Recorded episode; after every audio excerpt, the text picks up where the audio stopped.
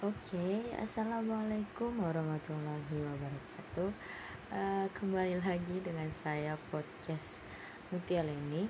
Oke, untuk podcast hari ini saya berkesempatan lagi untuk menjelaskan tentang sebuah pengertian ideologi.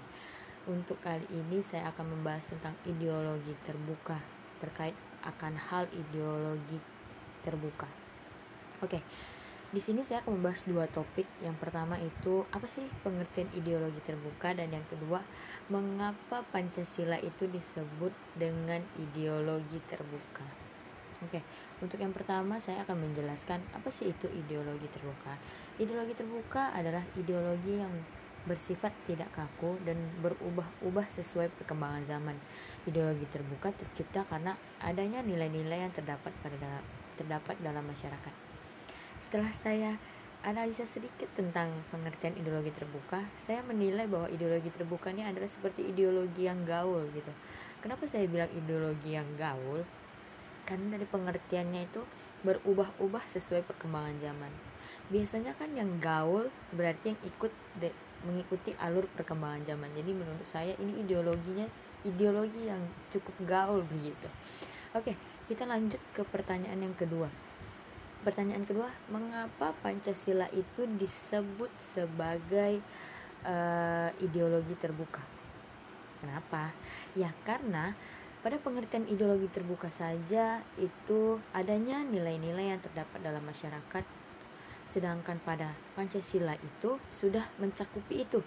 Jadi sudah memenuhi syarat dari ideologi terbuka dan saya perjelas lagi mengapa Pancasila e, bisa dikatakan e, ideologi terbuka karena Pancasila memenuhi syarat ideologi terbuka yang di mana ideologi terbuka memiliki sifat yang mengandung nilai-nilai bangsa Indonesia yaitu nilai ketuhanan, kemanusiaan, persatuan, kerakyatan serta keadilan.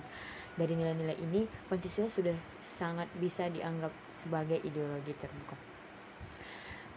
Dari Pancasila sudah dianggap sebagai ideologi terbuka juga memiliki beberapa fungsi.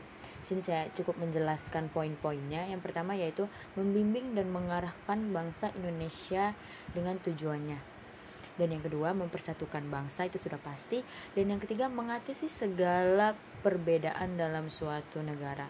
Itu sudah pasti karena kita di Indonesia memiliki banyak sekali budaya-budaya yang berbeda sangat sekali beragam. Jadi dengan adanya ideologi terbuka di dalam suatu Pancasila bisa mempersatukan semua perbedaan yang ada di negara kita untuk terus bersatu.